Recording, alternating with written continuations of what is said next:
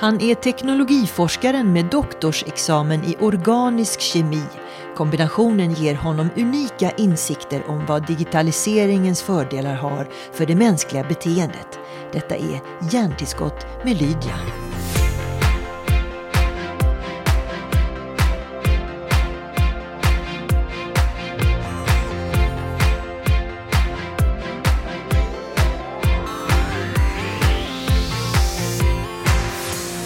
Jag sitter här med Ashkan Fardost och det är jätteroligt med tanke på att vi faktiskt under eh, en timme här har pratat om döden på scenen. Eh, för mig är du tekniknörden, eh, kreatören, musikern och samtidigt så har du doktorsexamen i organisk kemi. Jag får liksom inte ihop hur du är funtad riktigt det, det som genomsyrar alla grejer jag har gjort, det är internet. För det är via internet jag har kommit in på alla de här spåren. Eh, jag fick internet när jag var 10. Det här var 1995. Så det var modem som gällde. Eh, men redan där upptäckte jag ett hack för att mina föräldrar hade skaffat något nytt jätterevolutionerande telefonabonnemang där man hade fastpris. Eh, man skulle bara slå in en viss prefix innan man slår numret man vill ringa, då blev det fastpris.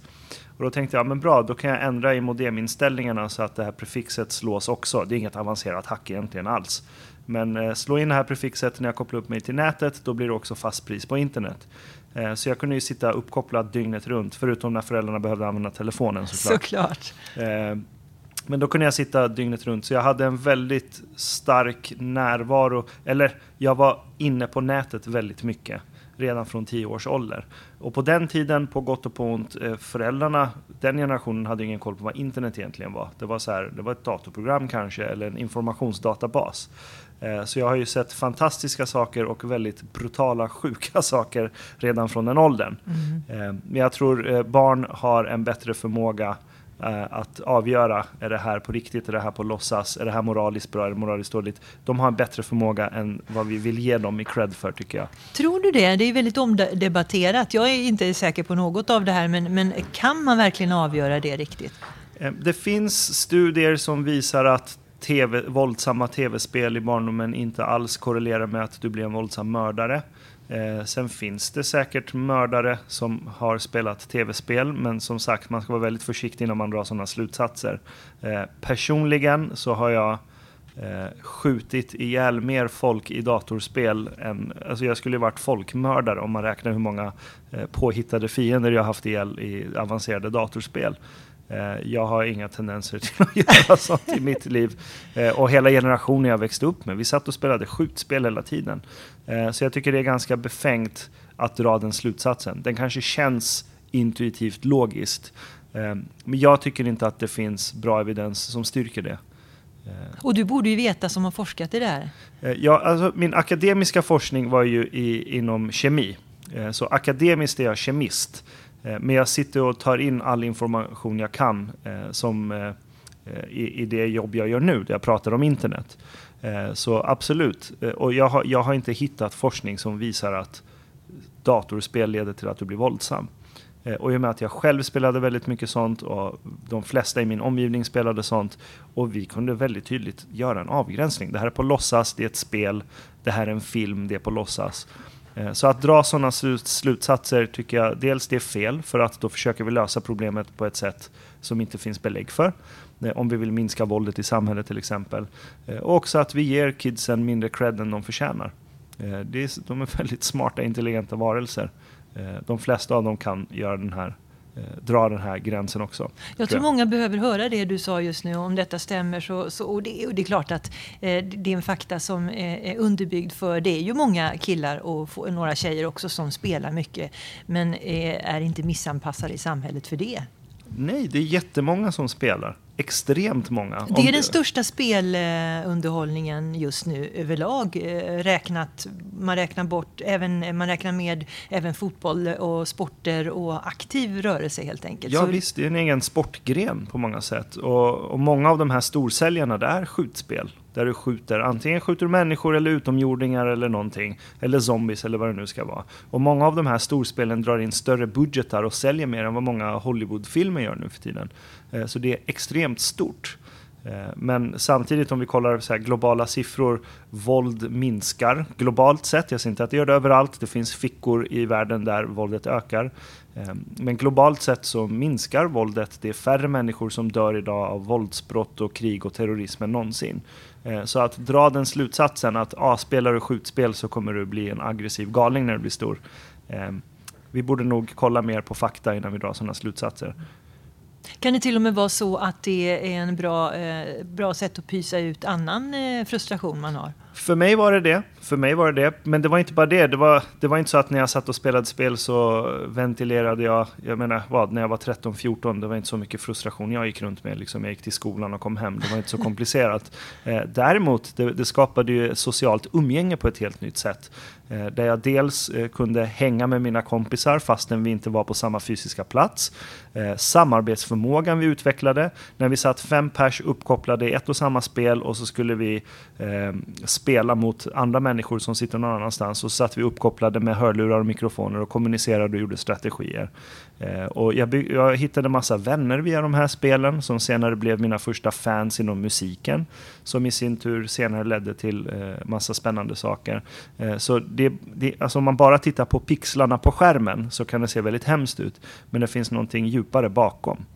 Eh, det tycker jag du kom ju själv in på det här. Det här var en tid innan du blev musiker, lite hobbymusiker och hackade in i Napster. Du får berätta lite grann för lyssnarna vad Napster var eh, för några år sedan. Absolut.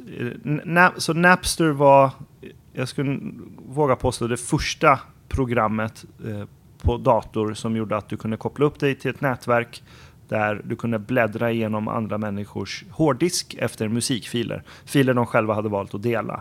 Eh, och det var peer-to-peer, -peer, vilket betyder att du kopplar upp dig direkt till en annan persons dator och så kunde du bläddra runt.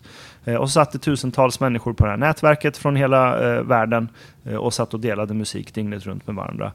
Ehm, och eh, jag hade ju kommit in på det här spåret att göra musik. Eh, jag lyssnade väldigt mycket på transmusik när jag var i den åldern, när jag var ung. Från att jag var 12-13 upptäckte jag den genren. Eh, och det var en väldigt nischad musikstil. Så det var väldigt svårt att få tag på de här låtarna på Åhléns och sådana här ställen. Sådana skivor såldes inte i Sverige. Och vilket årtal är vi nu på? Nu är vi på, vad kan det vara, år 2099 mm. någon gång då upptäckte jag trans. Ja, precis. Eh, så Åhléns och de här ställena hade inte transmusik. Eh, det var väldigt stort i Tyskland, Nederländerna, Belgien. I Sverige och många andra ställen fanns det inte. Eh, men i och med att jag satt på internet, det var ju där jag upptäckte Trans till att börja med och när jag insåg att det inte gick att köpa de här låtarna, eh, det var då jag ramlade in på Napster.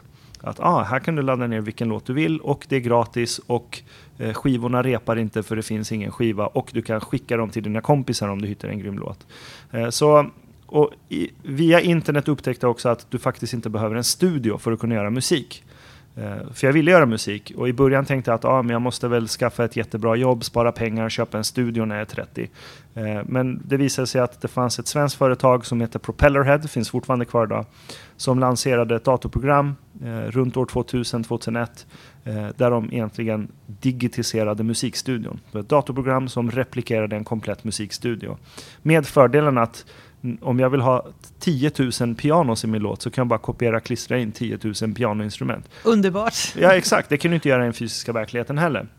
Så jag kunde göra musik på datorn utan att behöva studio. Problemet var att jag ville ha skivkontrakt, för jag tyckte att min musik hade nått den nivån.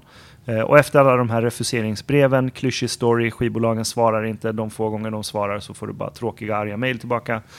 Då insåg jag att, men vänta nu, jag sitter ju på Napster. Jag är en internationell musikdistributör tekniskt sett är jag, har jag den rollen nu. Och det var då jag tänkte, okej okay, varför ska jag gå via skivbolagen när jag själv kan distribuera min musik? Eh, och då kollade jag egentligen, vilka låtar är inne just nu, vilka skivor är folk ute efter, vilka kändisar vill folk ladda ner från min dator? Och så smög jag in mina egna låtar in i de mapparna. Eh, så folk råkade ladda ner min musik av misstag. Eh, och sen spred det sig på Napster. Jag fick en fanskara på kanske 60-70 pers. min lilla stam på nätet på vårt transforum. och via dem så hörde de av sig till massa skivbolag och folk som de kände. Eh, så till slut satt jag där 17 år i mitt pojkrum i Kista med en dator och internet och fick 14 erbjudanden eh, från olika skivbolag. Och därmed startade du faktiskt något av en entreprenörskarriär. Ja, fast jag tänkte inte på det på det sättet då. Det är i efterhand jag insåg så här, hur, hur kunde det här vara möjligt? Och jag var inte den enda som gjorde det här. Eh, det visade sig att det, det var jättemånga som eh, gjorde så här så kallade bootlegs, eh, där du lägger upp din låt och så lägger du till i låttiteln remix av någon superkänd artist. Fast det är inte det, du bara hittar på det för du vet att det är det folk söker på. Eh, så, så här, sökordsoptimering, growth hacking, det började redan då. Så det var många som höll på med det här. Eh, men visst var det en entreprenörsresa på många sätt. Det var det. Men hur får du in organisk kemi i det här som du eh, faktiskt har en doktorsexamen i? Jag har alltid varit intresserad av just teknik och vetenskap. Hur vi människor har förmågan att skapa saker som gör att vi, liksom, vi kan expandera bortom den lilla miljö vi härstammar ifrån, att vi kan skapa saker, vi kan förbättra livskvalitet, eh, vi kan åka till rymden. Alla de här sakerna har alltid fascinerat mig. Eh, så jag har alltid haft ett sug av att vara en av dem som hjälper till att skapa någon, någon av de här teknikerna och teknologierna. Eh, så jag har alltid haft siktet på att hålla på med forskning på något sätt. Ehm, och, och, och det där kommer internet in igen. För att när jag började plugga på universitetet Eh, så tänkte jag att jag kände direkt att det här är ett jätteförlegat sätt att bedriva undervisning på. Du samlar 100 pers i en stor sal och så står en person där framme som inte ens oftast vill stå där. Den vill hålla på med sin forskning. Eh, nu säger jag inte att alla var så. Vissa av lärarna vi hade var helt fantastiska och har influerat mig otroligt mycket. Eh, men, men att de bara står och skickar över information i ett sånt här analogt format när samma information, om inte bättre, finns, fanns tillgängligt på den tiden, eh, där MIT bland annat var jättetidiga med att lägga upp webbföreläsningar från sina bästa lärare. Så tänkte jag, varför ska jag gå och spendera sju timmar i en tråkig sal? När jag kan sitta hemma och få in samma information på två timmar, snabbt bläddra igenom de här videorna och sen kan jag lägga ner resten av tiden på att spela datorspel eller hålla på med musik eller någonting annat. Eh, så redan där insåg jag att hela det här systemet är väldigt, väldigt förlegat. Eh, det är bara en inflation att folk lägger ner så mycket tid och pengar på att sitta i en sån miljö. När du kan göra det mer effektivt. Så jag tänkte, ska man stå där och bedriva undervisning, då måste man dels vara aligned med den, hur människor som växer upp i den här eran är vana med att få in information. Eh, du måste ge dem ett syfte att det är värt att ta sig tiden och gå dit och sätta sig i den här salen. Mm. Så redan då blev jag intresserad av hur kan man undervisa på ett annorlunda sätt. Eh, så det var en av anledningarna till att jag också ville bli forskare, för du får undervisa. Eh, och jag älskar att skapa en så här aha-upplevelse kring någonting som kan verka vara komplext från början. Eh, så jag, så jag nyttjade internet på samma sätt. Dels för att lära mig om pedagogik. Det satt jag och gjorde på fritiden. kollade på pedagogikexperter som lärde ut naturvetenskap. Tog in alla deras tips och tricks, läste böcker om det. och sen började jag utforma undervisning på mitt eget sätt Eh, åt studenterna. Och det var i många fall jag sa så här, okej okay, nu har vi två timmars seminarium. Istället för att jag ska stå här framme som någon präst och så här babbla visdom och sanning. Eh, här är en webbsida, här finns webbföreläsningar. Kolla på dem. Sen kommer ni till seminariet så kan vi sitta och diskutera. Eh, sen kan vi kanske diskutera hur man googlar inom kemi. För då blir ni helt oberoende mig. Då behöver ni inte ens mig någonsin. Om ni vet hur man söker på problemställningar och frågeställningar, då blir ni helt oberoende. Eh, så det var sådana taktiker jag körde med. Eh, det ledde till pedagogiska priset av eh, vår studentkår by the way. Så något kvitto fick jag på att det uppskattades och togs emot bra i alla fall. Och det du beskriver nu är ju nästan lite grann hela hemligheten kring hur vi måste bygga lärande och kunskap 2018 och framåt antar jag. Ja, alltså det har, det har blivit en ganska polariserad debatt. Du har ett läger som säger att nej, nu har vi Google och internet och smarta telefoner. Ingen behöver någonsin memorera något mer och lära sig något. Jag är en googling ifrån all sanning i världen. Eh, och det är så här, ett, nej, för att eh, det du googlar behöver nödvändigtvis inte vara sant. Två, du måste veta vad du ska googla efter överhuvudtaget. Eh, och sen tre, det finns forskning som visar att du behöver en kunskapsbas lagrad i din skalle för att överhuvudtaget kunna ta till dig ny kunskap. Eh, så, så ena lägret som säger att Google löser allting, det, det finns inga belägg för det. Eh, jag köper inte det. Eh, om du är helt oinsatt i ett ämne så tar det mycket längre tid för dig att googla fram något än någon som är expert på det ämnet. Obviously. Sen har du det här andra lägret som, säger, som är ultrakonservativa och säger nej, det är katederundervisning som gäller för det är det enda vi har eh, akademisk evidens på att det funkar eh, och vi måste ha prov för det är enda sättet vi kan garantera att vi skickar ut eleverna ur systemet med rätt kunskap etc. Eh, och jag tror den bästa vägen ligger någonstans där mitt emellan. Eh, att ja, vissa ämnen kanske det är jättebra med katederundervisning och du bara sitter och nöter, nöter, nöter på problem. Typ matematik till exempel. Och visst, betyg funkar säkert jättebra för vissa ämnen. Till exempel matematik, fysik, där det är väldigt lätt att avgöra eh, kunde du lösa den här uppgiften eller inte. Eh, sen kanske vi kan diskutera att vissa ämnen, ska de ha betyg överhuvudtaget? Ska, ska min förmåga att memorera saker om eh, Sveriges jordbrukshistoria för 300 år sedan, ska det påverka om jag ska bli läkare eller ingenjör eller någonting i framtiden? Man missar nog många eh, passionerade eh, människor som vill, väldigt gärna vill jobba med någonting men kan inte på grund av eh, omdömena eller betygen. Det tror jag, det tror jag absolut. För, och sen är det att du är olika mycket intresserad av olika saker beroende på vilket stadie i ditt liv du är som jag hatade historia när jag gick på högstadiet. Eh, för jag fattade inte kontexten. Jag tänkte jag ska ju bli NBA-stjärna och spela basket. Varför ska jag lära mig om det här? Eh, nu i efterhand så älskar jag historia och sitter och läser det på fritiden etc. Det händer eh. någonting när man blir äldre, Ashkan. Visst gör det det. Visst gör det. Visst gör det. Man blir mindre dum. Eller lite visare, jag vet inte. Eh, men, men sen också vad, vad jag tror nuvarande skolsystem gör. Det är att det triggar folk till att bara tänka jag måste få det här betyget. Själva lärandet blir nästan sekundärt. Så folk sitter och försöker hitta taktiker för att kunna bara klara det här provet. Mm. Eh, om det nu är korvstoppning eller vad det är man gör, bara för att klara det här provet. Eh, och jag tror att det leder till att vi skapar en population som hela tiden är van vid att okej, okay, eh, det här är vad jag har tränat till, det här är vad jag klarar av. Eh, om du ger mig något som jag inte har instruktioner till, för du spenderar minst 12 år i ett system där det finns instruktioner på allt. Eh, om du ger mig en arbetsuppgift jag inte har instruktioner till så kan inte jag göra det. Eh, med, med, andra ord, du, du, du, skapar bilden av att du går i skolan, sen är du färdiglärd. Sen ska du gå och applicera det här där ute.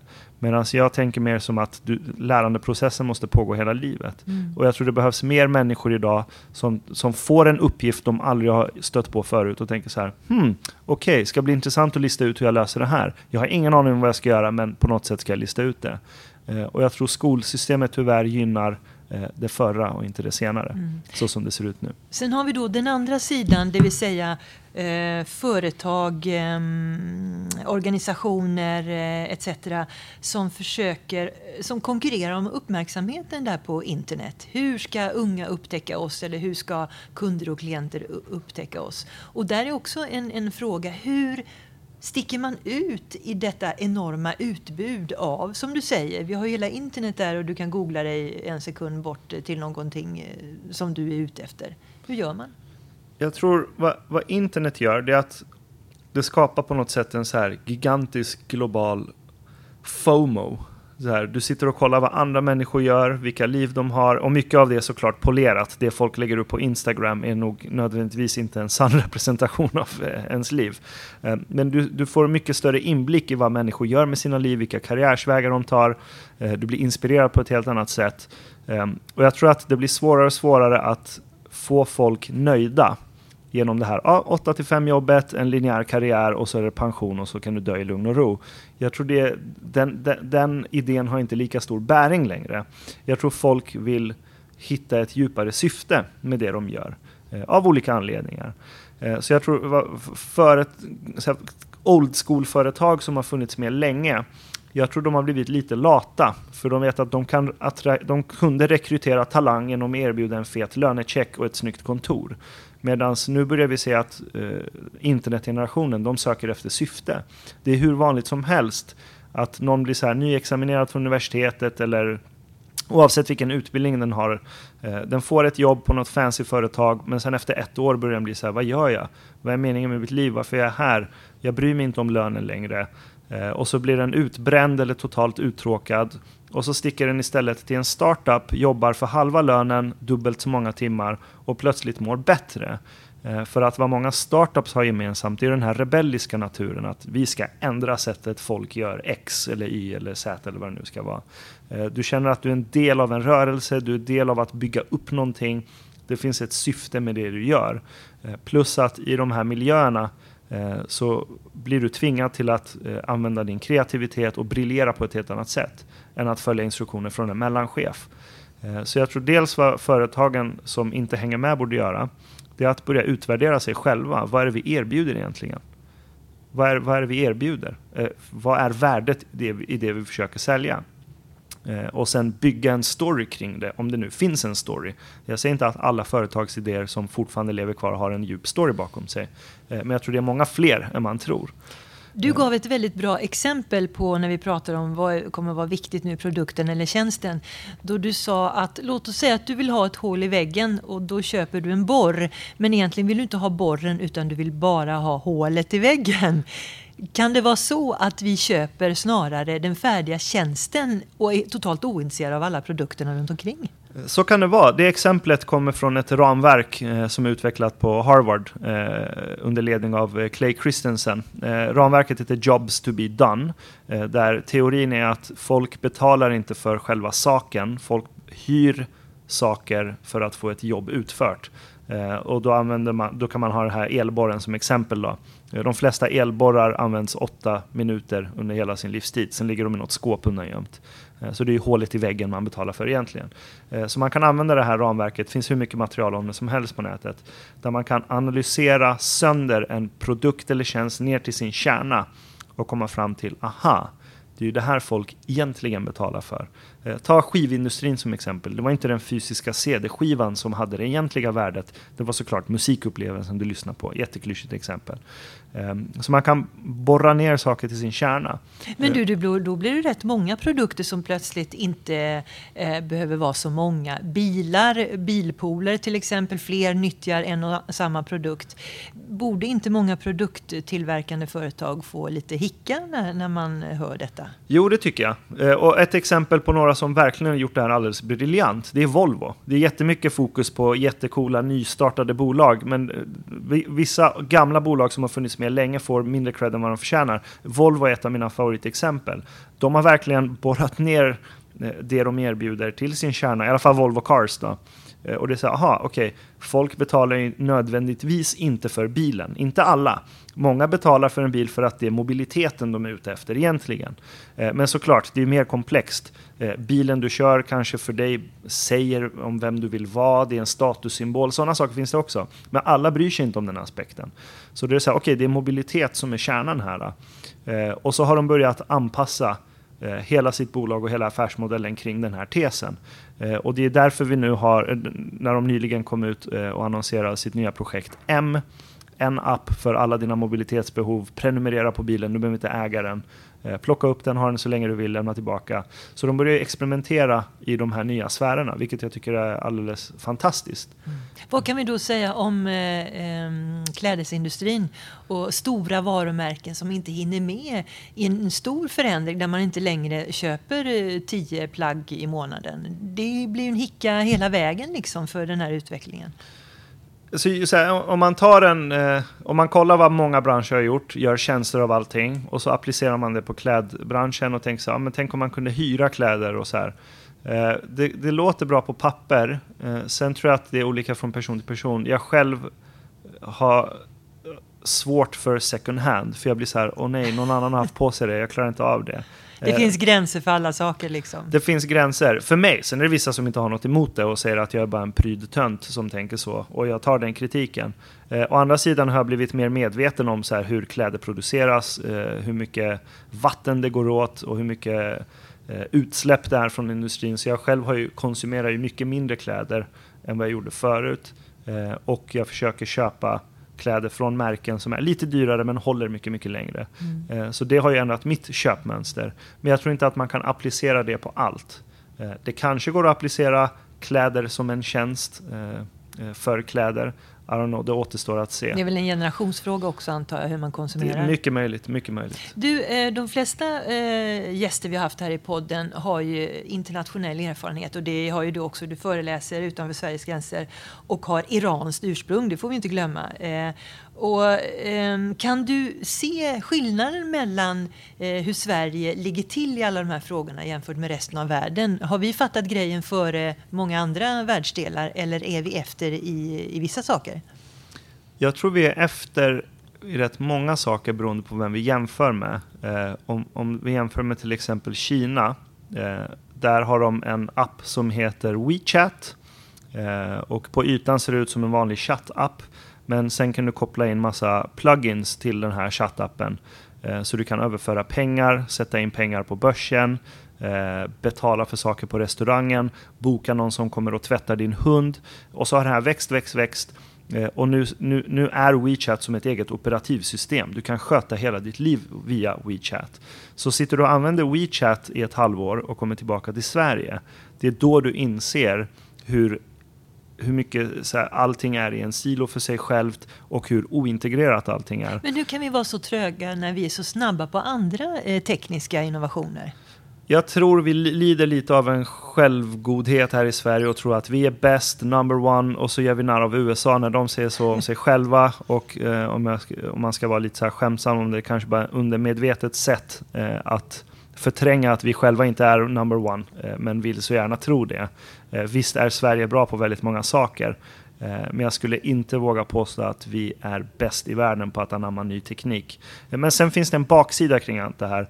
Eh, WeChat ägs av ett bolag. Det är Tencent som äger WeChat. Och så sitter det nu ett bolag som har all data på vem du pratar med, vem du ringer, vart du sätter in dina pengar, vem du anlitar tjänster för att tvätta din hund med. Och så samlas den här datan hos en aktör. Eh, självklart har det här livsfarliga, kan det här ha livsfarliga konsekvenser eh, beroende på hur landet styrs och så vidare. Så allting har en baksida. Eh, men vi är inte bäst i Sverige på att anamma ny teknik, det skulle jag inte vilja säga. Men du är involverad själv i flera eh, startups via eh, din nystartade investeringsfirma Oddball Ventures. Vad är hett där? Vad går du igång på själv när du investerar? Det jag tänkte, det var så här, okej, okay, det finns jättemycket success stories kring den här senaste coola appen eh, som har fått 50 000 miljarder användare på tre sekunder och eh, såldes för så här mycket till nästa bolag. Nu snackar vi ju Kina och, och andra sidan. Eh, nej, men ju, eh, här i västvärlden. Ta mm. så här Candy Crush och sådana här spel som växer, blir enorma och så blir det miljardbolag kring det. All respekt till det. Eh, men jag tänkte också att det, det, det går säkert att lösa eh, mycket större Eh, djupare problem med all den här teknik vi har runt omkring oss också. Eh, så jag tänkte eh, att jag vill nischa det här bolaget till att enbart investera i produkter som tjänar pengar såklart. Det är en, det är en det är en marknadsverksamhet det här. Jag försöker inte säga att det här är någon non-profit goodwill, inte alls. Men jag menar att jag tror man kan tjäna pengar och göra gott samtidigt med det man tjänar pengar på. Eh, så vi tittar enbart på bolag som skapar någonting som gör att när vi vaknar upp om tio år och tänker tillbaka så tänker vi säga jag är jävligt stolt att jag var med på det här projektet. Eh, så vi är delägare i fyra bolag just nu. Eh, bland annat ett bolag som heter Blue Call där du har anonyma terapisamtal direkt via mobilen. Eh, med uppföljning, fast allt är fortfarande anonymt. Eh, och det är ingen video såklart, utan det är bara ljud. Eh, där vi tänker att mm, det är många människor som är jättestressade idag. Över jobbet, utbrända, kanske relationsproblem, alla de här vardagsproblemen. Tänk vad skönt om det fanns en anonym ventil du kunde bara prata ut om allt det här med. Så det är det Blue Call gör. Och det tycker jag var fantastiskt. Det är helt rätt i tiden. Jag själv Eh, kan se mig själv använda det här och jag tror fler människor behöver prata om hur de mår. Eh, utan att det ska bli en så stor grej av det. Eh, så det är ett bolag, ett annat heter Kim. Eh, det är en AI-baserad psykolog som finns tillgänglig på din eh, mobil eh, dygnet runt när du vill. Tycker jag också var ett fantastiskt sätt att få människor att börja prata mer om sina liv. Även om det inte är en människa som lyssnar så finns det forskning som visar att ju mer du pratar om det och skriver om det, desto mer, bättre, ju mer du reflekterar över din situation, Eh, så jobba hjärnan med det också? Liksom. Så jobba gärna med det och du har bättre förutsättningar för att kunna ta hand om vissa problem och må bättre.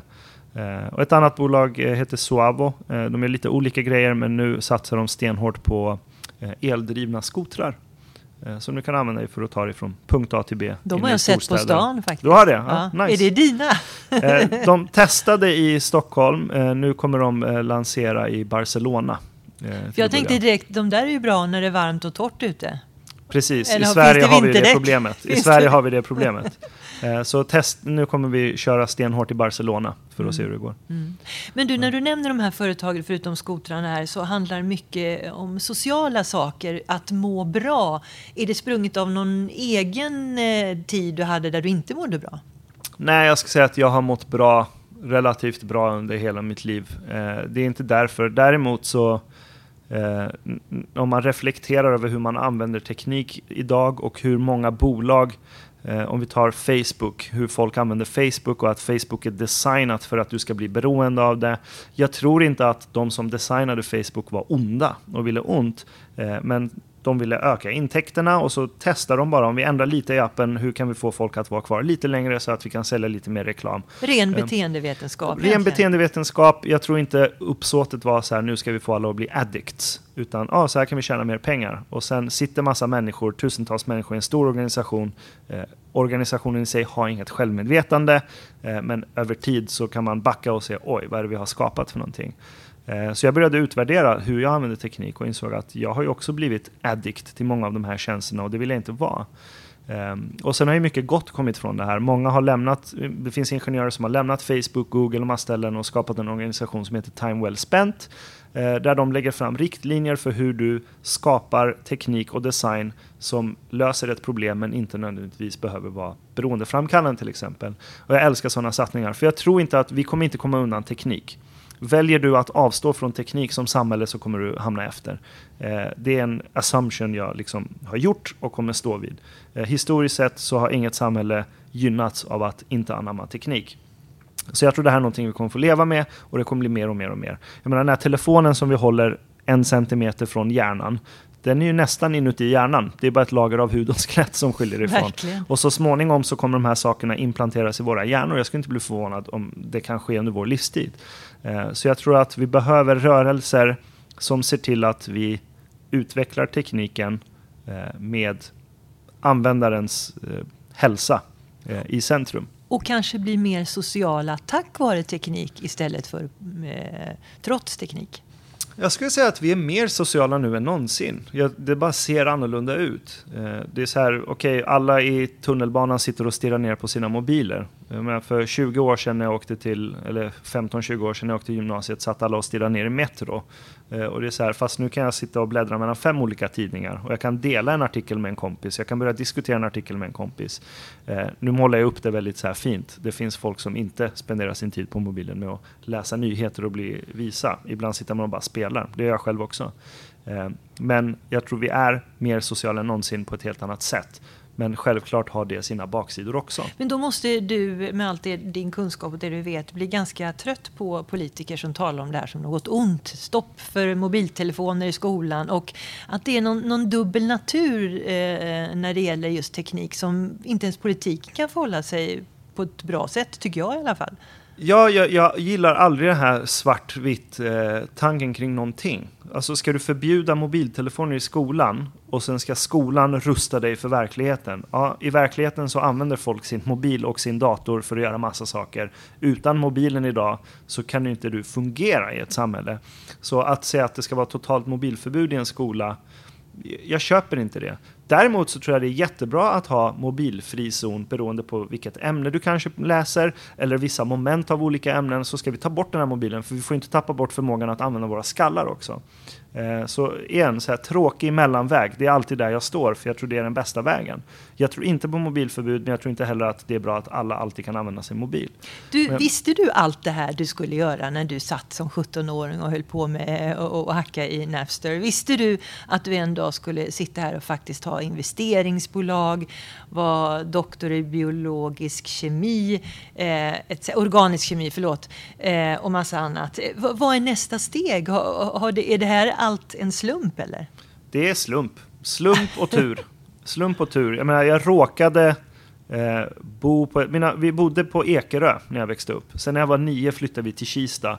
Eh, och Kista bibliotek hade ett litet rum som hette Datorverkstan. Där det fanns en sån här gammal klassisk svartvit Macintosh. Eh, och sen en så här jätteseg 386 och en supermodern PC som hade 25 MHz i processorhastighet eller någonting så här. Och det var inte så mycket folk som hängde där. Eh, så jag var där nästan varje dag eh, och lekte med datorerna för ingen var där. Så jag bokade upp allting, satt där och höll på. Eh, och bara det gjorde att jag fick en ingång in i hur datorer fungerar, hur internet fungerar. Det var en ren slump att vi råkade hamna i Kista. Så mycket av det är ju det... hemskt ändå att det ska avgöra om, om, om en, ens framtida eh, karriär, att det är bara en slump var man är och var man växer upp. Absolut, visst är det så, men jag tror tyvärr är det så. Det vi kan göra är att se till att eh, kunna exponera barn och ungdomar för så många olika möjligheter som möjligt och sen låta dem själva välja såklart. Eh, så ju mer saker du blir exponerad för, desto bättre. Det står jag för. Eh, men visst, det var en slump. Det var det som fick in mig på datorer Eh, och internet som sen ledde till musik, som sen ledde till forskning och sen som ledde till det här. Mm. Och det, det, du säger understryker också faktiskt det faktum att vi alla är mångsysslare. Ju mer mångsysslor vi kan, desto roligare kommer vi ha det i yrkeslivet. Kanske. Sen tror jag att det finns vissa som bara vill nörda ner sig i en enda Såklart, sak och ja. sitta och nöta på det hela livet tills de dör. Um, och, jag, och, de personerna är lika värdefulla uh, som uh, du och jag uh, liksom gör massa olika saker. Um, så jag, jag, vet inte om det är bra för alla. I don't know. Du, follow your heart. Follow your heart, ja, ja absolut. Du, slutligen så tänkte jag faktiskt fråga dig här om, om det här med... Du pratar väldigt mycket om tribes, stammar, att hitta sin egen stam. Eh, och jag som är sprungen ur media som hela tiden vill masskommunicera, det är ju förlegat känns det ju. Du kan aldrig nå alla längre, utan du måste göra någonting annat. Hur tänker du? Men jag, jag undrar så här, varför vill man nå alla hela tiden? Vad är, vad är besattheten av att alla måste höra det jag har att säga? Varför inte bara de som är intresserade av att höra det jag har att säga? Eh, varför inte börja där åtminstone? Eh, sen om det är superintressant så kommer det här sprida sig såklart. Eh, men jag håller med dig helt och hållet. Om du ska skrika ut ett budskap i rummet internet som just nu består av cirka 3 miljarder pers och siffran håller på att öka hela tiden, tack och lov för det Eh, om du ska skrika ut något som passar alla, då kommer det vara så urmjölkat att ingen kommer höra det du säger. Eh, så det är därför jag bara släppt den tanken helt och hållet. Hitta den lilla grupp av människor som är galna nog att gilla det du har att erbjuda. Börja där. Eh, och sen kanske det tar fart av sig själv därifrån. Tack. Ashkan Fardost. Tack Lydia. Tack så mycket.